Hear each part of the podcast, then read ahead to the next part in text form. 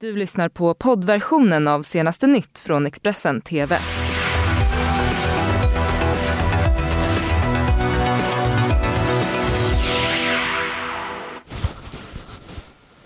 Välkomna till senaste nytt här i Expressen TV med mig Karin Bülow mm, Och med mig Ylva Johansson. Och eh, det här det är morgonens rubriker.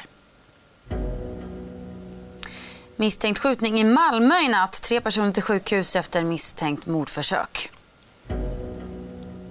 Och mycket står onekligen på spel för sittande premiärminister Benjamin Netanyahu när Israel går till omval idag.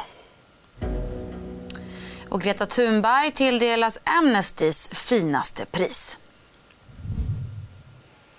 Mm, men vi börjar alltså i Malmö där tre personer sökte vård på Malmö sjukhus igår kväll. En av dem uppvisade skottskador och händelsen rubriceras i nuläget som mordförsök samt försök till grovt rån. Polis på plats vid sjukhuset har beslagtagit en bil som de körde till akuten i och den kommer att undersökas som en del av utredningen. Mm, och flera platser i Malmö har spärrats av under natten, bland annat en misstänkt brottsplats vid Almgården. Just nu så finns inga misstänkta för dådet. Och Israel går alltså till valurnorna idag i ett omval där premiärminister Benjamin Netanyahu kan vinna sitt sin femte raka seger eller förlora sin politiska dominans. Samtidigt är Benjamin Netanyahu indragen i flera rättsfall om bland annat misstänkt korruption och processen väntas dra igång nu i oktober då landets riksåklagare överväger alltså att väcka åtal mot Netanyahu i tre fall av misstänkt korruption. Mm, men trots anklagelserna mot Netanyahu så går det bra för hans parti i opinionen. Det är jämnt mellan hans Likud och utmanaren Blåvitt. Israels premiärminister Benjamin Netanyahu kan vinna sin femte valseger på tisdagen. Eller så förlorar han den makt som han och hans högerparti Likud haft i landet sedan 2009. This is not right versus left issue. This is not about the Palestinians or Iran or the economy or corruption. It's about this one person and whether we want him to continue as Israel's prime minister. Enligt färska opinionsmätningar som Reuters rapporterar om så blir det en jämn match mellan honom och utmanaren Benny Gantz som leder mittenpartialliansen blått och vitt. Pretty unbelievable for a political body that was established seven months ago. Den forne militärchefens uppsving kommer efter stigande kritik och misstro mot den sittande premiärministern. Netanyahu misslyckades med att bilda en regering i våras.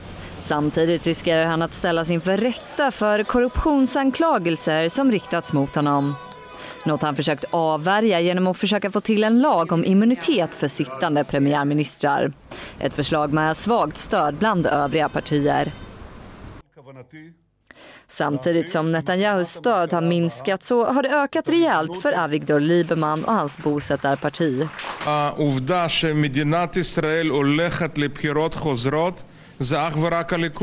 Står sig siffrorna så kan de få en stark vågmästarroll när den nya regeringen ska tillsättas. Mm, vi håller oss kvar utrikes. I går kväll upprepade nämligen USAs president Donald Trump budskapet om att Iran ligger bakom helgens drönarattacker som slog ut hälften av Saudiarabiens oljeproduktion. Saudiarabiens militär säger att attackerna mot oljeanläggningar i Saudiarabien i helgen genomfördes med iranska vapen. Det visar en preliminär utredning enligt Reuters. Iran har förnekat sin inblandning i lördagens drönarattacker mot två saudiarabiska oljeanläggningar och hävdat att USA bara skyller på Iran för att kunna rättfärdiga framtida aktioner. USAs utrikesminister Mike Pompeo gick på lördagen ut och anklagade Iran för attackerna. På Twitter skrev han att landet utfört en aldrig tidigare skådad attack på världens energiförsörjning. Samtidigt har de Iranstödda Houthi-rebellerna tagit på sig dådet. Den saudiskledda koalitionen som kämpar mot Houthi-rebellerna i Jemen säger dock att attacken inte skedde därifrån. Drönarattackerna i lördags var mot två anläggningar som ägs av Saudi Aramco som beskrivs som världens största oljebolag. Enligt källor till Wall Street Journal så kan Saudiarabiens oljeproduktion halveras efter attackerna. Enligt experter på bland annat Bloomberg och Wall Street Journal så kan oljepriset på lång sikt påverkas av de här händelserna.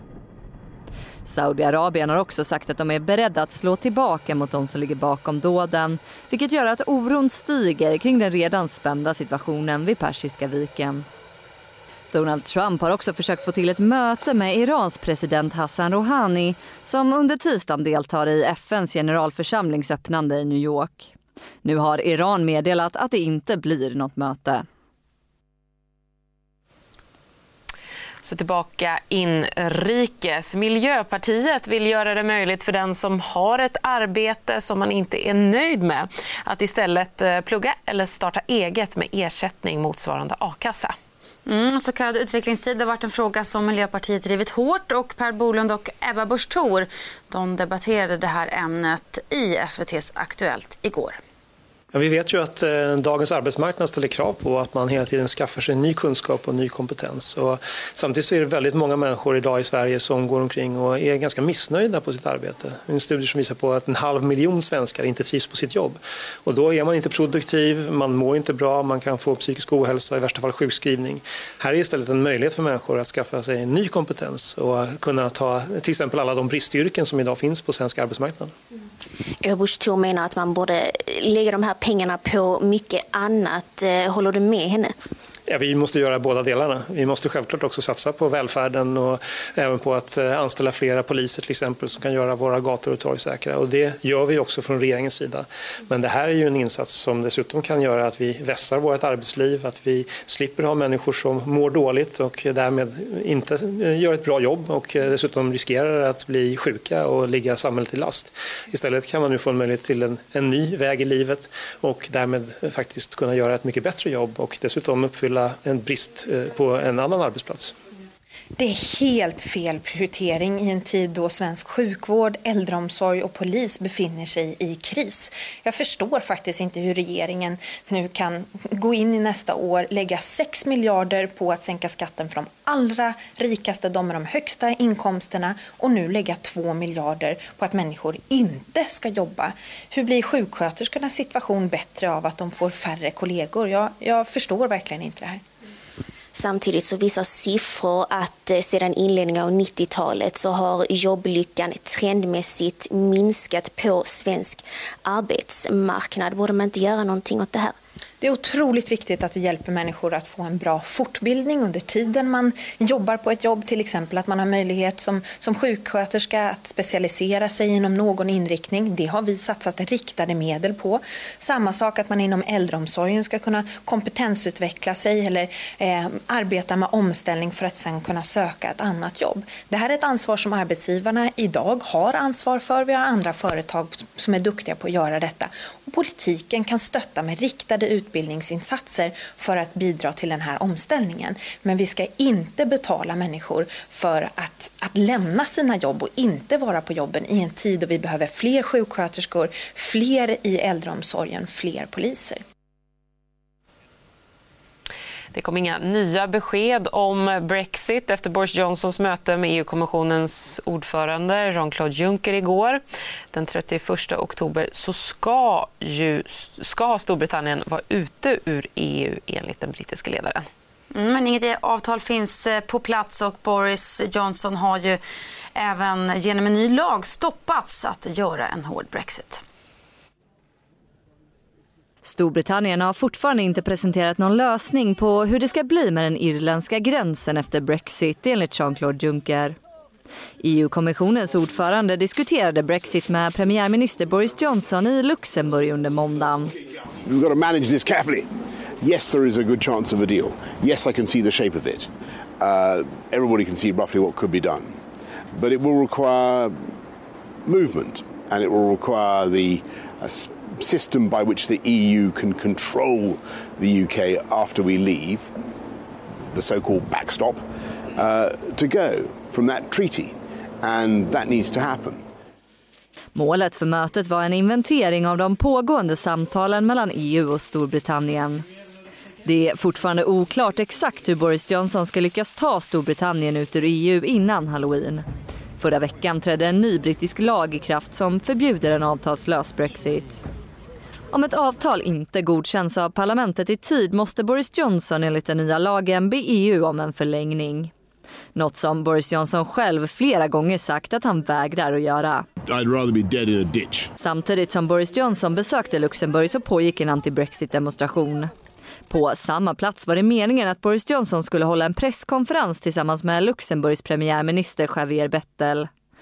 Men Boris Johnson skippade presskonferensen och åkte iväg direkt efter mötet. Well, I don't think it would have been fair to the Prime Minister of Luxembourg to. Uh, I think there was clearly going to be a lot of noise, and I think we, our points might have been drowned out. But I'm happy to talk to you now. Bettel höll istället en presskonferens ensam och kallade brexit-situationen för en mardröm och sa också att EU behöver mer än bara ord från Storbritanniens sida.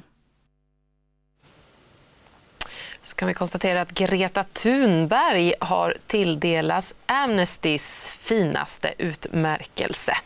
Mm, det handlar om priset Ambassador of Conscience. Hon tog emot priset i Washington DC igår och eh, sa bland annat i sitt tacktal citat eh, det här priset är till alla de miljoner unga runt om i världen som utgör rörelsen Fridays for Future. Slut citat. Please welcome Greta Thunberg.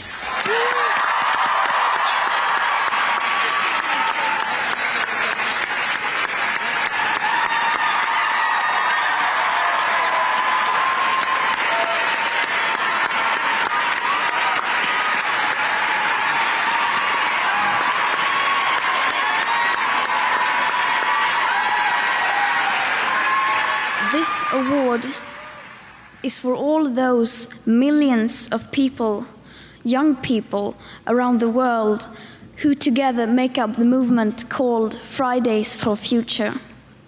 All these fearless youth fighting for their future. A future they should be able to take for granted. But as, as it looks now, they cannot.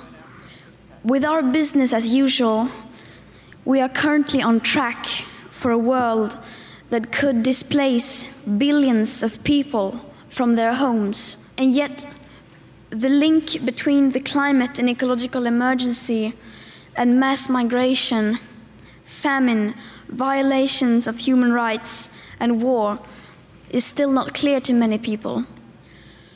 Activism works.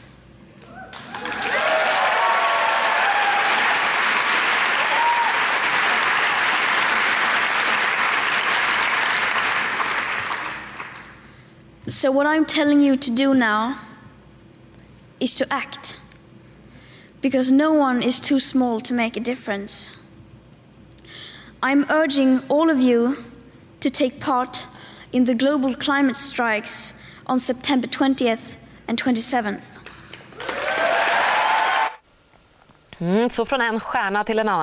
Ja, för amerikanska astronomer har nämligen upptäckt den mest kompakta neutronstjärnan någonsin. Trots att den här stjärnan bara är 30 kilometer i diameter så är massan hela 2,17 gånger vår egen sol. Och enligt eh, forskarna som är verksamma vid Green Bank Observatory i USA så tangerar detta gränsen för hur massivt ett objekt kan bli utan att tryckas ihop av sin egen tyngd och förvandlas till ett svart hål. Mm.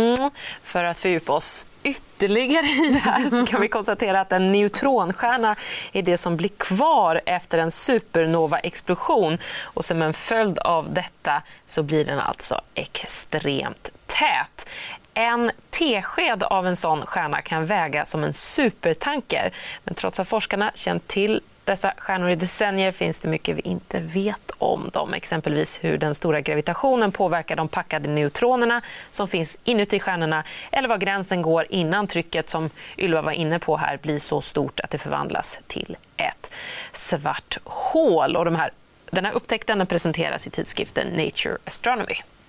Spännande. Otroligt spännande tycker jag faktiskt. Ja. ja, du gick igång på den här nyheten. Jag vet inte varför. Men rymden är en spännande plats. Mm. Mm. Kanske får vi komma dit någon gång. Mm. Jag håller tummarna för att ja. du får göra det, Ylva. Nu tar vi en kort paus.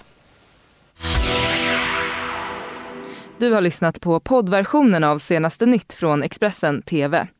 Till förordnad ansvarig utgivare är Klas Granström. Ett poddtips från Podplay. I fallen jag aldrig glömmer djupdyker Hasse Aro i arbetet bakom några av Sveriges mest uppseendeväckande brottsutredningar. Går vi in med hemlig telefonavlyssning och, och då upplever vi att vi får en total förändring av hans beteende. Vad är det som händer nu? Vem är det som läcker? Och så säger han att jag är kriminell, jag har varit kriminell i hela mitt liv men att mörda ett barn, där går min gräns. Nya säsongen av Fallen jag aldrig glömmer på Podplay.